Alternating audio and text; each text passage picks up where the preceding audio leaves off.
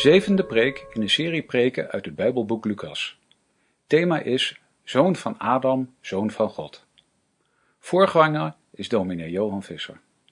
Opgenomen in de Noorderkerk Amsterdam op 27 januari 2019.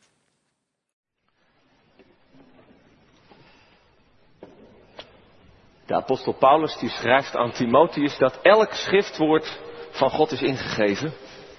Nu zijn er van die schriftwoorden waar je het wel een beetje moeilijk mee zal hebben. En wie de Bijbel van kaft tot kaft leest, die weet dat dat in ieder geval die geslachtsregisters zijn. Die oneindige lijsten met namen, ja wat moet je daar nu mee? Waarom heeft de Heilige Geest die ingegeven tot lering en onderwijs? Nou, vanavond, vanmorgen lezen we een geslachtsregister. Um, en het mooie daarvan is eigenlijk als je ze goed leest en er eens goed naar kijkt, dan merk je dat het klopt. Dat daar altijd alles iets tot lering eh, en tot onderwijs en hopelijk ook tot ontmoeting met God in zit. We lezen het geslachtsregister van Jezus zoals Lucas dat ons overlevert uit Lucas 3. En dat is 23 tot 38. En het zijn gewoon een heleboel namen. Lucas 3, 23. En hij, Jezus, was ongeveer 30 jaar toen hij zijn dienstwerk begon. Hij was naar men dacht de zoon van Jozef, de zoon van Heli, de zoon van Mattat, de zoon van Levi, de zoon van Melchi, de zoon van Janna, de zoon van Jozef, de zoon van Matthias, Matthias, de zoon van Amos, de zoon van Naum, de zoon van Esli, de zoon van Nagai, de zoon van Maat, de zoon van Matthias, de zoon van Semei, de zoon van Jozef, de zoon van Juda, de zoon van Joannas, de zoon van Reza, de zoon van Zerubabel, de zoon van Sealtiel, de zoon van Neri, de zoon van Melchi, de zoon van Adi, de zoon van Kosam, de zoon van Elmodam, de zoon van Echt, de zoon van Jozef, de zoon van Eliezer, de zoon van Jorim, de zoon van Mattat, de zoon van Levi, de zoon van Simeon, de zoon van Juda, de zoon van Jozef, de zoon van Jonan, de zoon van Eliakim, de zoon van Meleas, de zoon van Mainan, de zoon van Matata, de zoon van Nathan, de zoon van David. De zoon van Isaïe, de zoon van Obed, de zoon van Boas, de zoon van Salmon, de zoon van Nahesson, de zoon van Aminadab, de zoon van Aram, de zoon van Esrom, de zoon van Peres, de zoon van Juda, de zoon van Jacob, de zoon van Isaac, de zoon van Abraham.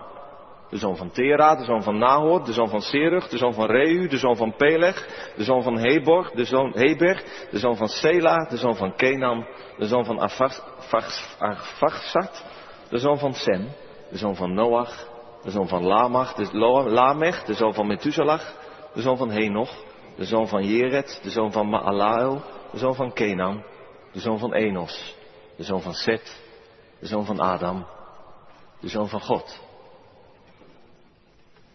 Zalig ben je, ook als je deze woorden van God hoort en ze bewaart.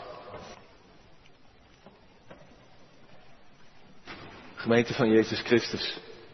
Wij hebben allemaal roots, wortels. Je geschiedenis, waar je vandaan komt.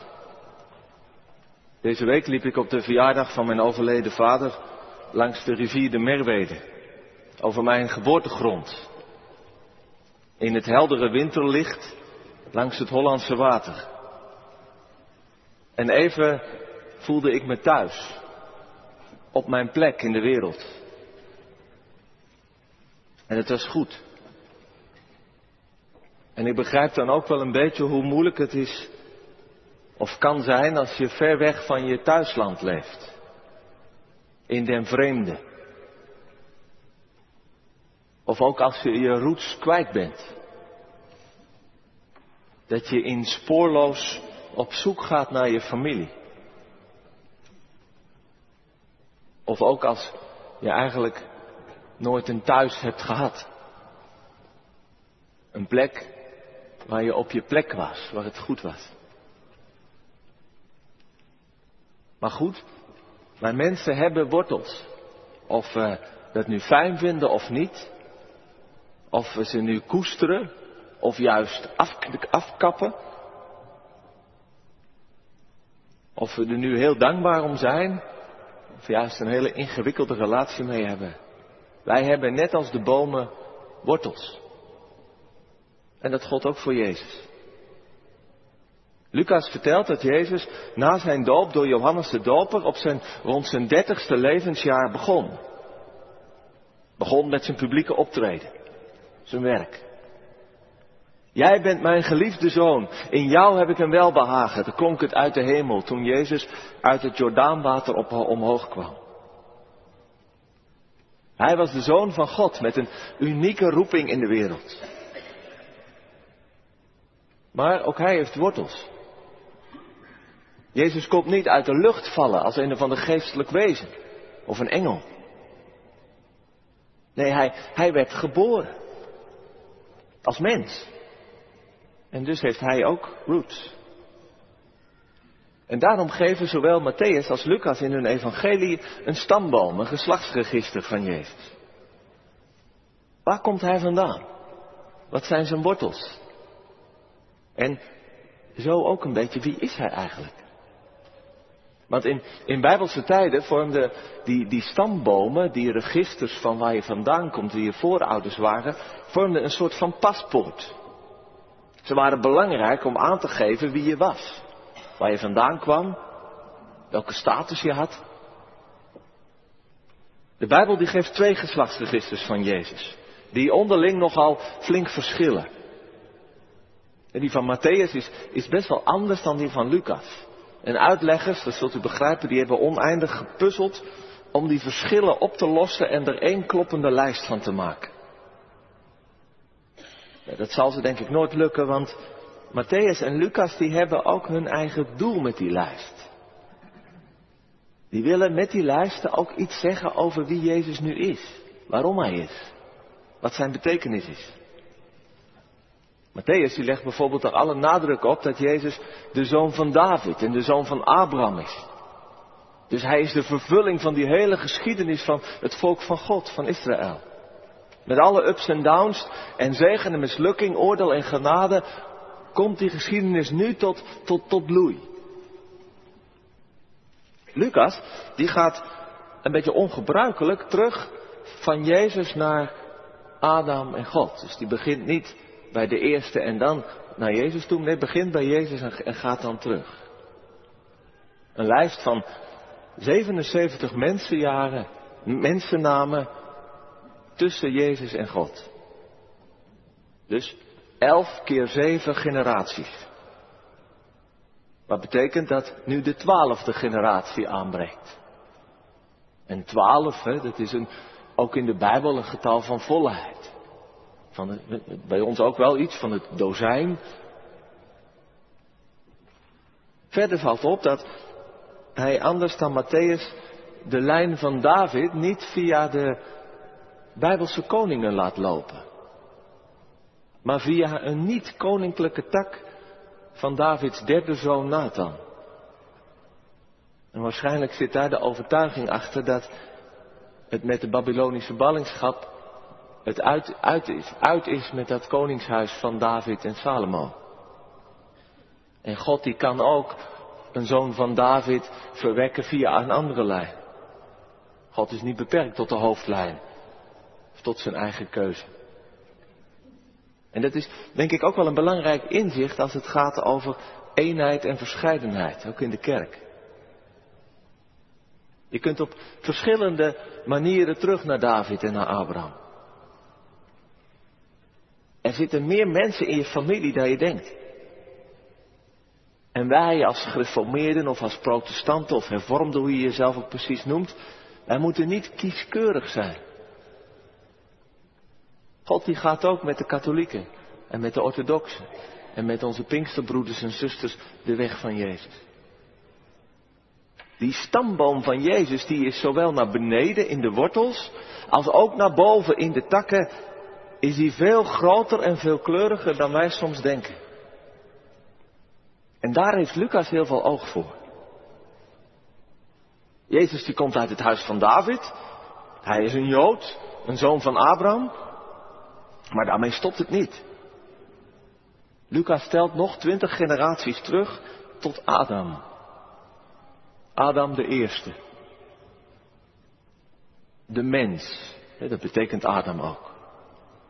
Jezus is de zoon van Adam. Hij is geboren in de menselijke familie. Dus, en dat is goed nieuws op een verscheurde en verdeelde aarde. waar de eenheid zo ver te zoeken is. En waar op zoveel plekken de muren van beton en prikkeldraad weer verrijzen. Jezus, de Zoon van God, is mens. Bij hem staat geen muur. En hij doet niet aan paspoortcontrole. Aziat, Amerikaan, Afrikaan, Europeaan, Oceaniër, Jood en Heiden. Mensen met wortels en mensen die ontworteld zijn geraakt en op de vlucht. Bij die zoon van Adam ben je welkom. Want hij is familie van ons allemaal. En dan is er nog iets vreemds van deze stamboom. Het is de stamboom van Jozef. Die naar men dacht zijn vader was, zo schrijft Lucas. Ja, dat was natuurlijk niet zo. Jezus was de zoon van Maria. Maar Jozef was daar niet aan, aan, aan, ehm, bij, bij betrokken geweest. En toch loopt zijn stamboom loopt via Jozef. Uitleggers die hebben geprobeerd om via ingewikkelde constructies dit de stamboom van Maria te maken. Want dan, ja, dan is het wel de bloedband van Jezus. Maar dat doet eigenlijk geen recht aan wat er gewoon staat. Ook uitlegger als Calvijn die, die wijst dat af. Dit is gewoon de stamboom van Jezus via Jozef. Die niet Jezus' echte vader was. Maar als geadopteerd kind, als aangenomen zoon, hoort hij gewoon bij de familie. Volgens de wet, volgens de gewoonte. Nou, dat, is, dat vind ik dan weer goed nieuws voor geadopteerde kinderen. En voor stief- en pleegkinderen. Je hoort er gewoon bij. Ook al is het anders en heb je andere ouders. En dat kan best wel heel lastig zijn. En misschien nooit helemaal echt worden. Maar je hoort er wel gewoon bij. Net zoals Jezus dus gewoon bij de familie van Jozef hoort. Geen gezeur. En als je zelf geadopteerd bent of stief of pleegkind, dan mag je weten dat je bij Jezus helemaal welkom bent. Want die was zelf ook anders. Soort van stiefkind. Niet helemaal echt. Dus hij begrijpt je heel goed. En dan nog het allervreemdste en het allermooiste van deze stamboom. Het slot. Jezus, na men dacht de zoon van Jozef, dan 75 namen tot de 77ste Adam. En dan nog eentje. Adam, de zoon van God. Dat is vreemd. In geen enkel Bijbels geslachtsregister komt dat voor dat Adam de zoon van God wordt genoemd. Maar je kunt je er denk ik wel iets bij voorstellen. De mens is een schepsel van God. En heeft hem als vader. En hoe je ook precies denkt over dat begin van de, van de wereld. En die eerste mensen, de Bijbel zegt dat wij geschapen zijn. Naar het beeld van God, dat we dus op Hem lijken. Dat we een uniek schepsel zijn, een soort van onderkoning op aarde om in Gods naam en met, verbonden met God, deze schepping te bewaren en te verzorgen. Meer nog, de mens die God heeft geschapen om in liefde met Hem te leven.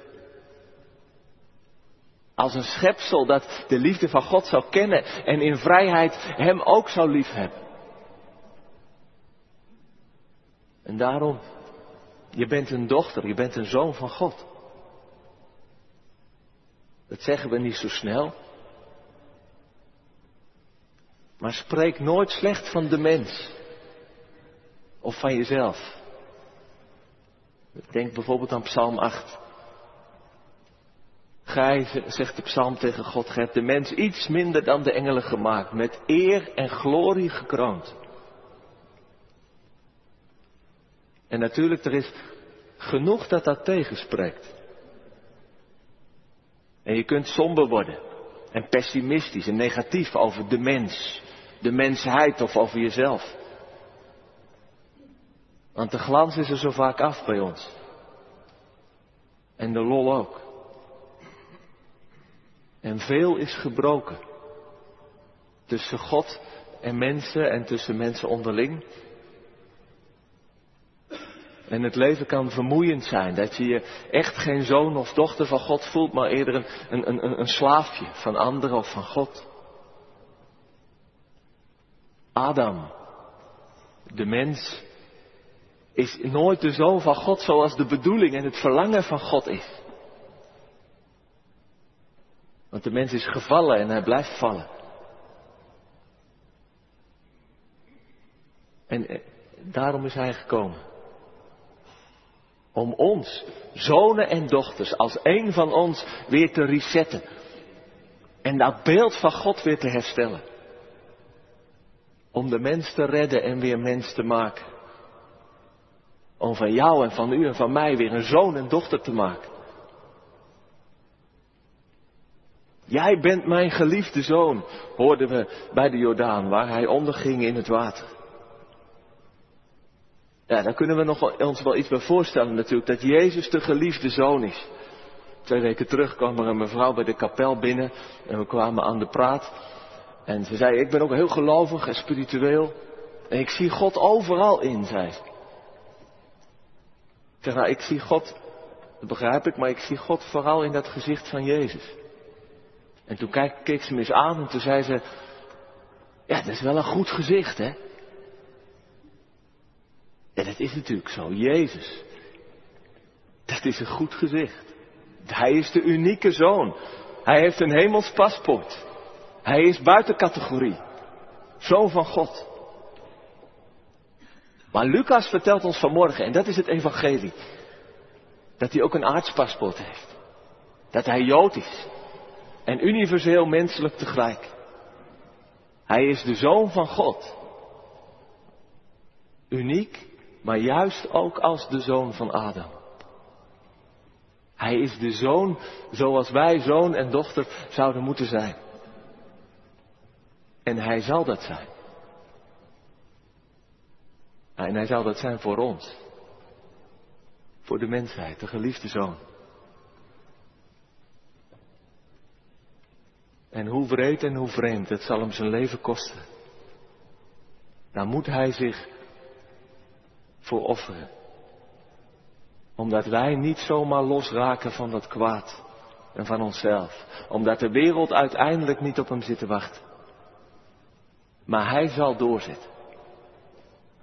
Zodat de zonen en dochters van Adam met trots en met eer en met vreugde kinderen van God hun schepper zullen zijn. En opdat we dat niet zouden vergeten, is hij vanmorgen in ons midden. En zegt hij tegen u en zegt hij tegen jou, kom jij, zoon van Adam, dochter van Eva. Jij bent een zoon, een dochter van God. Ja, jij ook. Al lijkt het er niet op. Al lukt het je niet. Al ben je jezelf misschien helemaal kwijtgeraakt in alle drukte en alles van het leven. Al zeggen ze tegen je, of al zegt dat stemmetje in jou, dat je niet goed genoeg en niet zus genoeg en zo. Ik, de zoon van Adam, de zoon van God, ik ben het voor jou en ik ben het met jou, wie je ook bent. Kom daarom, want ik heb jullie lichaam en jullie bloed heb ik aangenomen. En ik heb het gezuiverd en ik heb het verlost en hersteld. En hier is het terug. Lichaam en bloed. Als goddelijk voedsel, als goddelijk geneesmiddel. Zodat jij met mij een zoon, een dochter van God zult zijn. Want dat zijn je roots. Daar hoor je thuis. Dat ben je. Amen.